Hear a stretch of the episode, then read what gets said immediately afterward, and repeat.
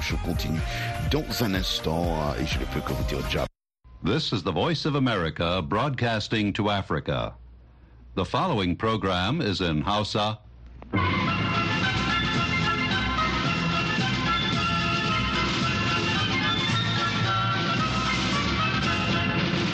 Sashen Hausa na muryar Amurka ke magana daga nan birnin Washington DC.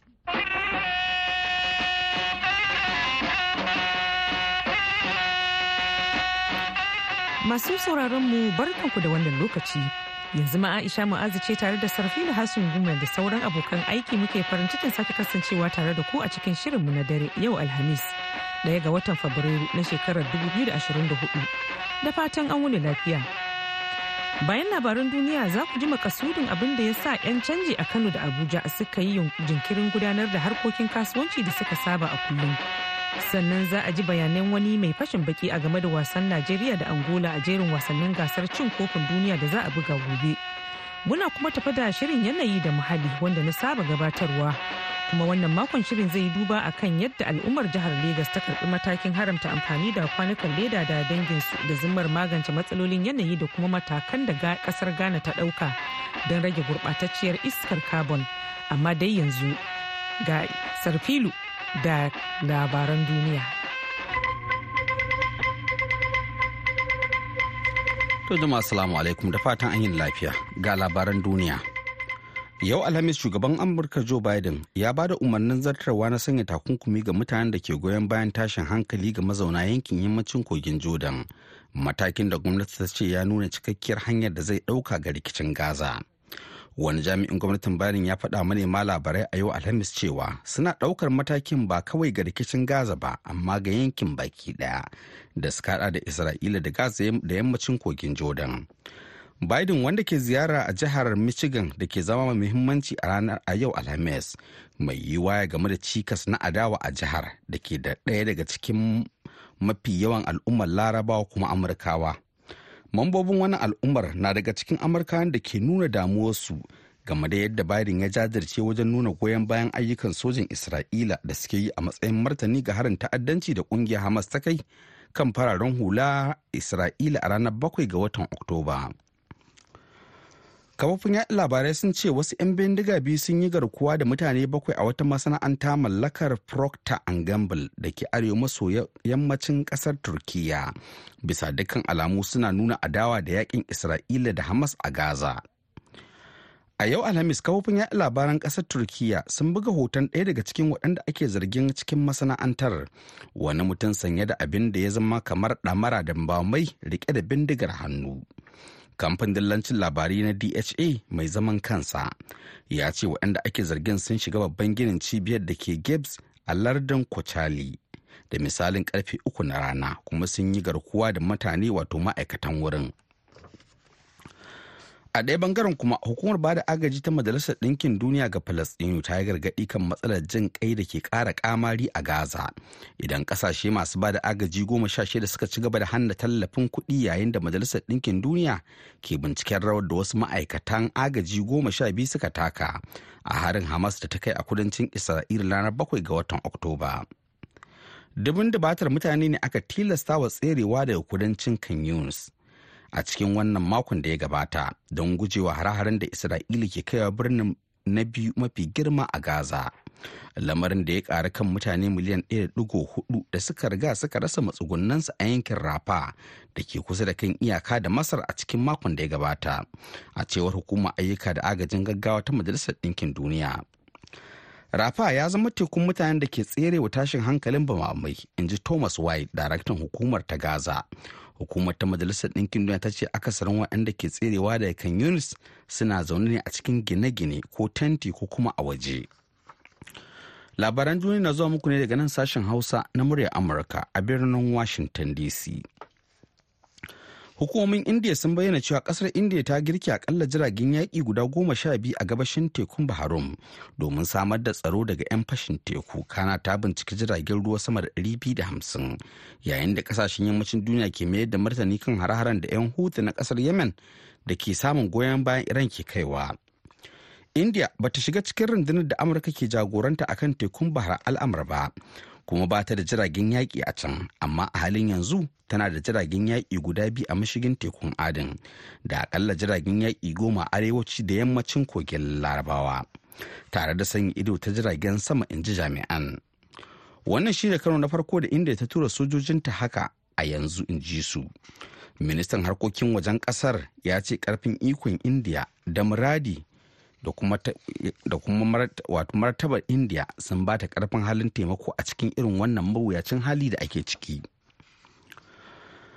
An yi hasashe za a samu sabbin masu kamuwa da cutar daji da kashi 77 cikin 100 zuwa sama da miliyan 35 a shekarar 2050 daga kiman tawar da aka yi na sabbin masu kamuwa da cutar miliyan 20 da kuma mutuwan mutane miliyan 9.7 a shekarar 2022 a cewar sabbin bayanai da hukumar kula da cutar kansa ta majalisar ɗinkin duniya iarc ta fitar a ranar alhamis. Rahoton wanda aka bayar gabanin zagayowar ranar ciwon daji ta duniya ranar 4 ga watan fabrairu yana hasashen mafi girman karuwar kamuwa da cututtukan daji zai faru a yankunan da dan adam ya kasa ci gaba sosai hakan na nuni ne ga wata sabuwar hanyar da majalisar ɗinkin duniya ta samar don auna matakin ci gaban zamantakewa da tattalin arzikin ƙasa. muna sa ran yawan al'ummar duniya zai karu daga biliyan 8 a halin yanzu a cikin 2022 zuwa kusan biliyan 10 da miliyan 9.7 nan da shekarar 2050 kuma hakan zai tasiri sosai akan adadin sabbin masu kamuwa da cutar kansa in ji Freddie Bray shugaban reshen ƙungiyar sa ido da cutar kansa ta majalisar ɗinkin duniya. Daga ƙarshe manoma sun sauka a Brussels don matsawa taron kolin shugabannin tarayyar turai lamba su ƙara ƙaimi wajen taimaka musu da haraji da tsadar kayayyaki da shigar da kayayyaki ƙasar masu arha. Suna jefa kwai a majalisar tarayyar turan tare da daga tuta a kusa da ginin harma da wasan wuta. Kimanin taraktoci dubu ɗaya ne suka tare a manyan titunan birnin Brussels. Cibiyar tarayyar turai a cewar kiyasin da 'yan sanda suka yi. Wata tarakta da ta daga tuta mai cewa idan kuna son duniya ku tallafa masu sarrafa ta. Yayin da manoma daga belgium da sauran ƙasashen turai ke ƙoƙarin ganin shugabannin eu sun ji su a haduwar da za su yi a ta baya. Wata tuta kuma an rubuta ba manoma ba abinci.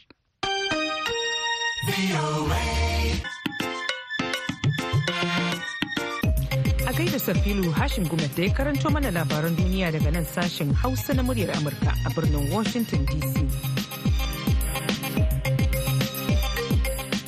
za mu buɗe taskar rahotanninmu daga kanan dabon najeriya inda ƙungiyar 'yan canji masu hada-hadar musayar kuɗaɗen ƙetare a kasuwar wafa da ke kano ta ce matakinta na jinkirin buɗe kasuwar da kuma buɗe ta da wuri ya fara haifar da sakamako mai alfanu.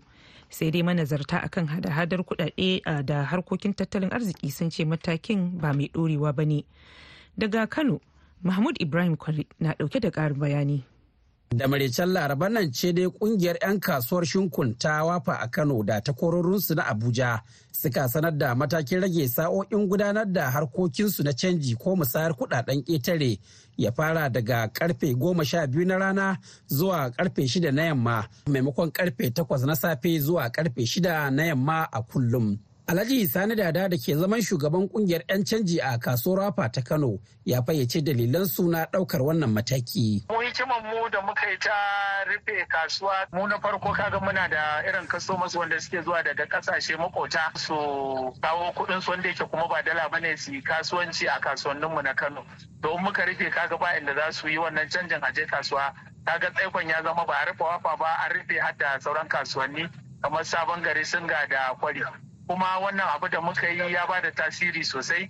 Jiya da muka yanke wannan shawara ana sai da dala naira dubu ɗaya da ɗari biyar da talatin. So kafin ƙarfe shidan ta yi naira talatin ta sauka. Yau kuma da aka buɗe kasuwa ƙarfe goma sha biyu wata naira hamsin ɗin ta sauka. Yanzu ana yin dala dubu ɗaya da ɗari huɗu da hamsin. Kuma za mu ci gaba da yin wannan abu har daga nan zuwa wani lokaci. Fatan mu dala ta sauka mutane su samu sauƙin gudanar da rayuwa ita ma gwamnati ta san yadda za ta kama bakin zaren domin a samu an ji daɗin rayuwa gaba ɗaya. Dangane da ko farmakin da aka ce jami'an hukumar AFCC sun kai wa kasuwar tawafa ne ya sanya 'yan canjin ɗaukar wannan mataki sai Alhaji Sani Dada ya ce. A'a mu dai nan kano ba wanda ya kirawo mu mu ne wannan tunaninmu ne na kanmu muka yi shi ba wanda ya uzura mana kuma ba wanda ya samu amma dai mu ma mu ba da gudunmawa wa mutane da kuma gwamnati shine ya sa muka aiwatar da wannan abu. To amma Dr. Gazali Ado masanin tattalin arziki da ke koyar da wannan fanni a kwalejin nazarin harkokin gudanarwa ta Kano ya ce tasirin matakin na wucin gadi ne kawai. To wannan mataki da suka ɗauka zai iya daina wani ɗan takaitaccen lokaci zai iya kawo wani abu amma ba zai iya zama hanya ce da za ta janyo a samu sauƙi ba saboda su masu sai da dalar a hankali idan suka ga an ci gaba da wannan abubuwan ai za su samu hanyoyin da za su wuce su gudu su sama wa kansu mafita A cewar masanan tattalin arzikin gwamnati ce kawai za ta iya kawo ƙarshen wannan matsala ta hanyoyi daban-daban. Gwamnati ita ce uwa uba ita ce a haƙƙo. Saboda ina gaya maka matsalolin da suka daɗa ja wannan abin akwai wanda ma yanzu sun mai da dalar ita sana'a ce. Sana'a ajiye dalar su duba idan ta tsada su siyar. In ta sauƙi siya siyar wannan abu ne mara kyau. Sannan kaga cin hanci da rashawa ana sata biliyan tamanin biliyan talatin biliyan ashirin. Dabarun da suke yi su barayin zuwa suke su sai dala. Idan a kasuwa tana ana sai da ita dala a kan naira dubu da ɗari biyar za su iya ba da naira dubu ku su karɓi dala ɗaya saboda haka wannan cin hanci idan gwamnati bata magance cin hanci ba ba za a samu sauƙi ba gwamnati ta rage dogaro da kayayyakin ƙasashen waje idan kayan gida kake amfani da su ba za ka buƙaci dala ba. Tuni dai farashin kayayyaki ke ci gaba da tashin goron zaɓe a kasuwannin Najeriya al'amarin da 'yan kasuwa ke alakantawa da tsadar dala. Mahmud Ibrahim Kwari, muryar Amurka daga Kano, Nigeria. A gaida na Kwari. Daga batun hada-hadar kuɗi yanzu kuma sai batun wasanni. Yayin da ake shirin buga wasannin kusa da ƙarshe a gasar cin kofin Afirka wato AFCON.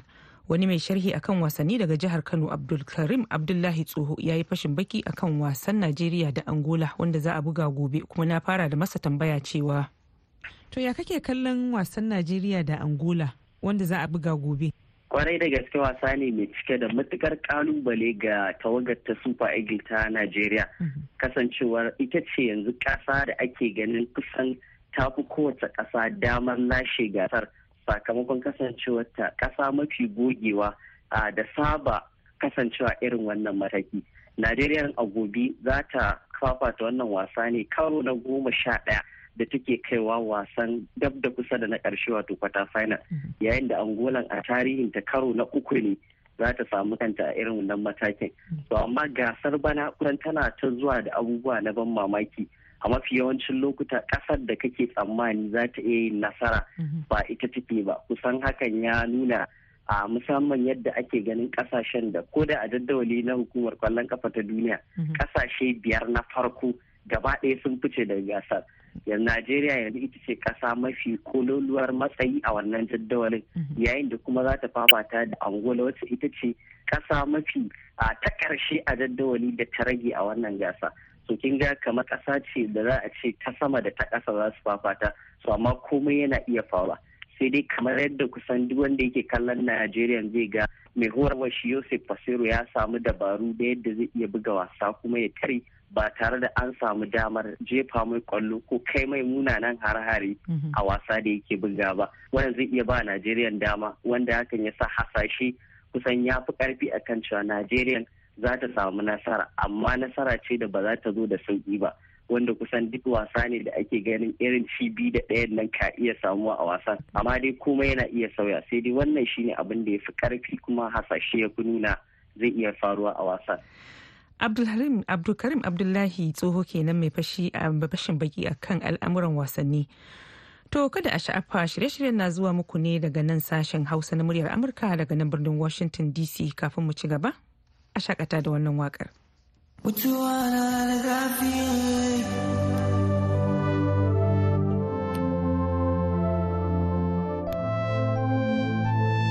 Take all inna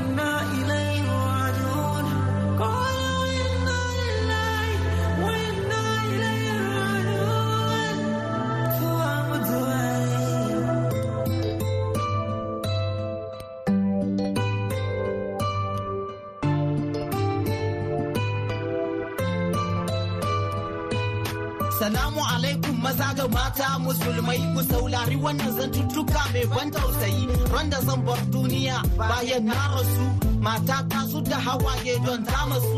‘ya'yana sun yi ta kuka sai suna faɗin ubanmu ya rasu babanmu ya rasu. Nan da nan sai a shaida maliman ya zo ya min sallah domin ni na tafi. Tun dama ai na adana likafani na. Matata ita za ta min wankan gawa. Ta min sutura bayan ta gama komai sai ka ji kumar maso za a yi sallan gawa. Gabanin sallar liman ya tambaya shin akwai wanda ke bin na zaba shi?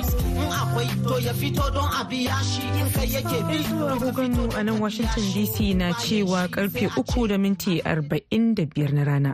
Ga shirinmu na gaba.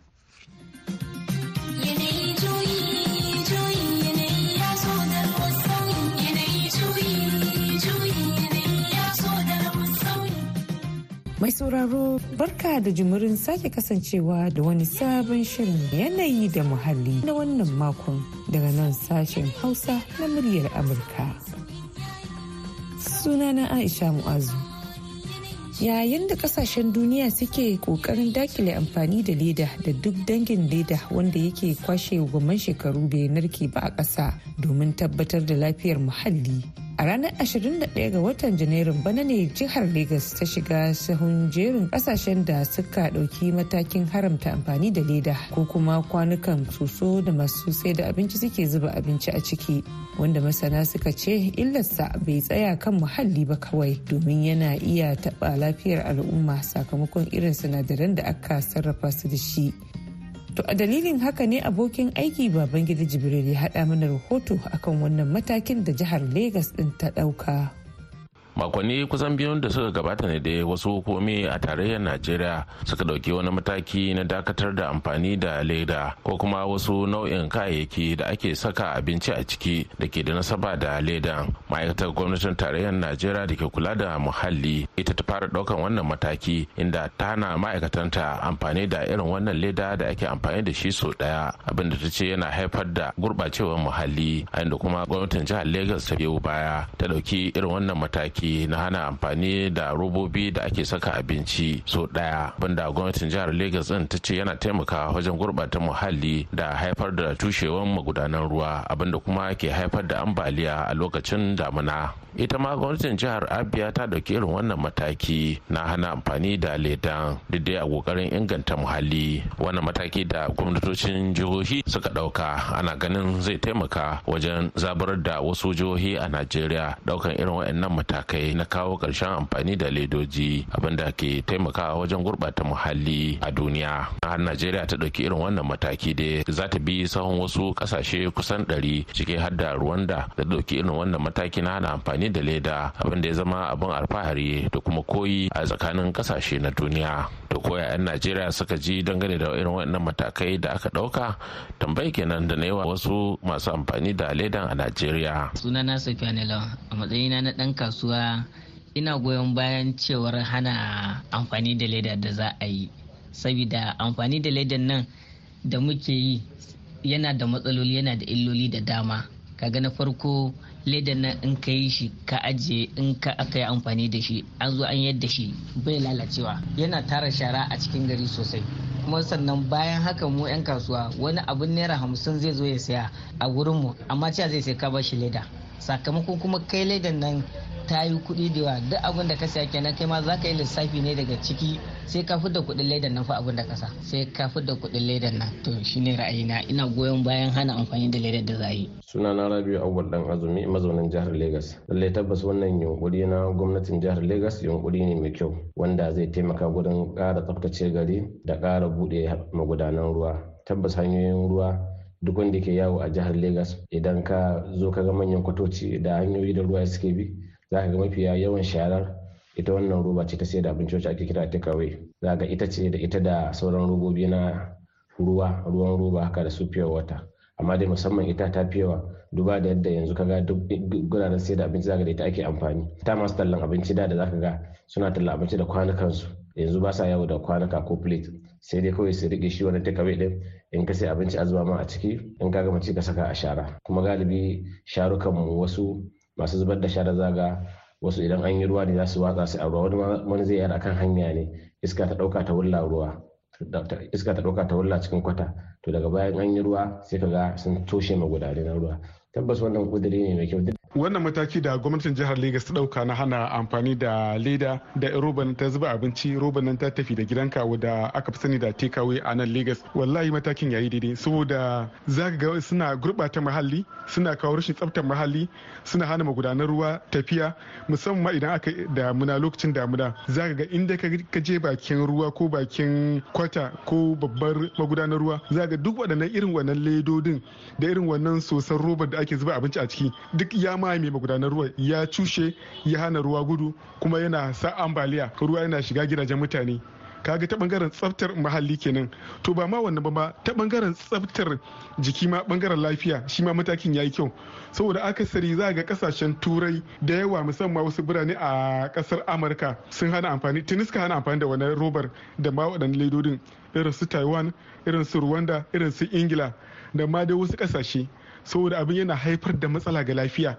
Za ga ciwon hanta ciwon ƙwaƙwalwa ciwon koda da sauran cututtuka da dama. Saboda ita wannan roba kamar yadda aka faɗa idan aka sa abu mai zafi tana narkewa wasu sinadarai idan mutum ya ci suna haifar da mutum rashin lafiya. To kaga hana wannan amfani da ita wannan roba da gwamnatin jihar Legas ta yi. Wannan mataki ne mai kyau.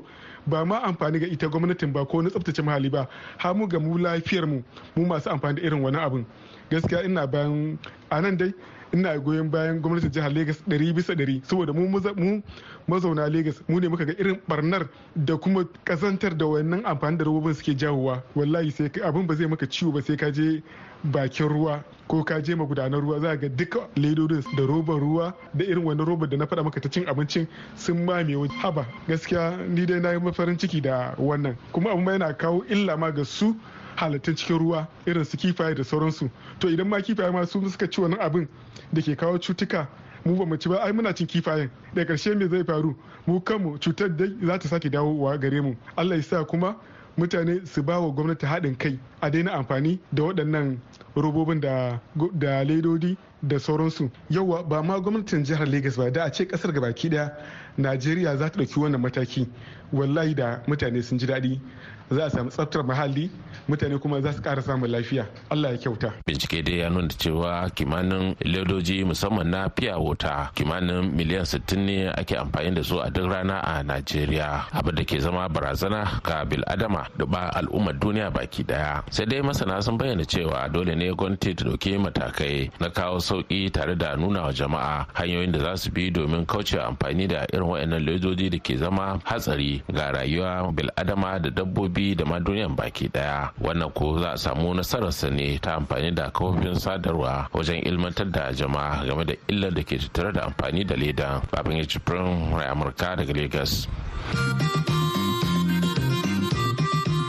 A wani ɓangaren kuma motoci masu amfani da man fetur suna daga cikin manyan abubuwan da ke kan gaba wajen haifar da gurɓacewar muhalli sakamakon gurɓatacciyar iskar da take fitarwa ta carbon. Wanda ya zama turbar da ya samar da yarjejeniyar da ƙasashen duniya suka cimma a birnin paris tare da ɗaukan alkawarin rage wannan iskar a cikin muhalli domin ceto muhallin duniya daga hauhawar mamar yanayi da celsius biyu a ma'aunin auna zafi. Kudirin da a duk shekara a yayin taron cop wanda a bara ya gudana a birnin dubai.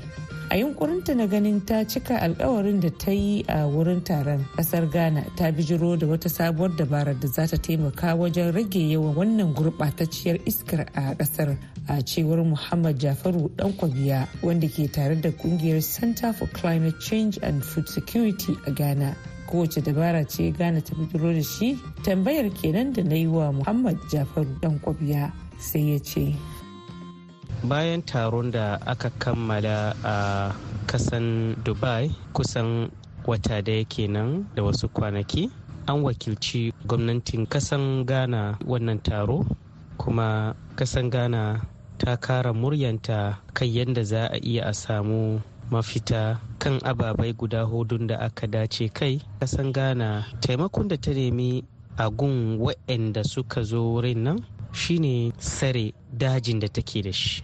Ghana tana da daji masu yawa kuma tana da yawaici ake yankawa ana fita da shi kasan waje. Na biyu wannan daji kuma kowa ya san cewa itacunan nan su ke taimako a wurin sarrafa iskan da muke shaka in the form of oxygen. Shi sa gwamnatin ghana ya yi la'akari da wannan ya kuma samu wasu yarjejeniyan da su da wasu kamfanoni da sauran ƙasashe suka yi wannan zantucuka kan wannan wayan ga dajin da muke magana. To amma in mun lura da neman gold wanda ake yi na musamman nan kasan ghana wanda doka bai yadda mata ba mun fi kiranta da galamse a nan kasan ghana. To aikin yanzu ya sa ba iya ana sare daji saboda masu wannan aiki suna kada kowane itace ke cikin daji a lokacin da suke neman wannan gold. Gwamnatin ghana ya sa 'yan tsaro suna kwana wayan daji suna kiyaye wa'yanga dajin da muke da su a nan kasan ghana. Sanadiyan wannan daji ya sa yankunan da wayan ga daji suke hadarin da suke samu ma daban ne abincinsu daban ne naman dajin ma daban ne fiye da inda ba wannan daji. Shi sa gwamnati yana la'akari da wannan yana kiyaye wannan dajin da ke kasan ghana. Na biyu an ɗauki mataki guda biyu wanda za a yi ƙoƙarin rage wannan gurbatattun iska wanda aka fi sani da greenhouse gases.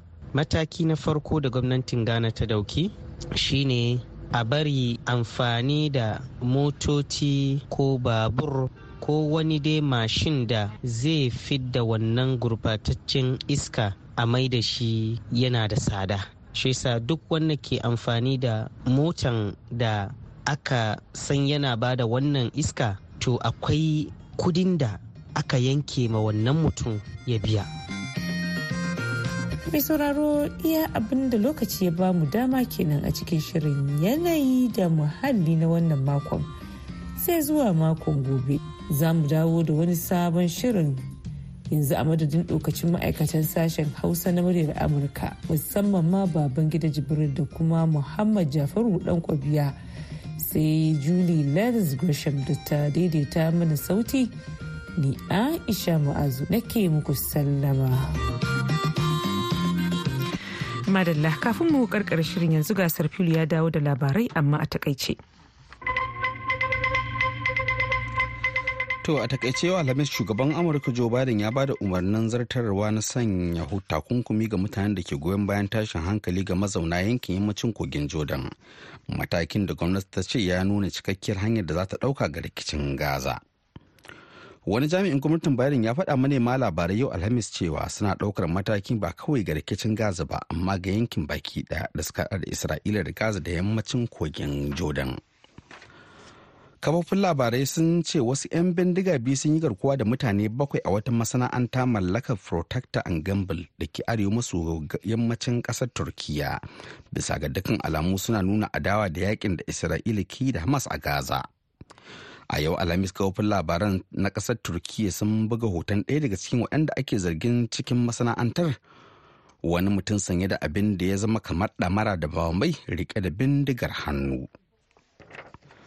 A ɗaya ɓangaren kuma hukumar ba da agaji ta majalisar ɗinkin duniya ga falastinu ta yi gargaɗi kan matsalar jin kai da ke ƙara ƙamari a gaza.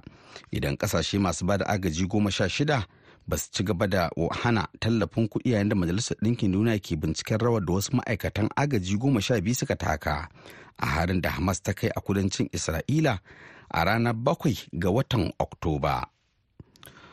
Dubin dubatan mutane ne aka tilasta tserewa daga kudancin kan Yunus a cikin makon da ya gabata don gujewa hare-haren da Isra'ila ke kaiwa birnin na biyu mafi girma a Gaza. Da takaitattun labaran za mu karkara shirin namu na yanzu. Amma idan Allah ya kai mu zuwa gobe da safe misalin ƙarfe shida da wato ƙarfe shida na safe agogon Najeriya Nijar da Kamaru za ku ji wasu abokan aikinmu da shirinmu na safe yanzu a madadin sarfilu hashin gumel da ya karanto labarai sai Julie Leathers Gresham da ta shirya kuma ta ba da umarni da ma wanda ya sada mu da ku Mr. Justin ni Aisha Mu'azu nake cewa ku kwana lafiya ma'asalam.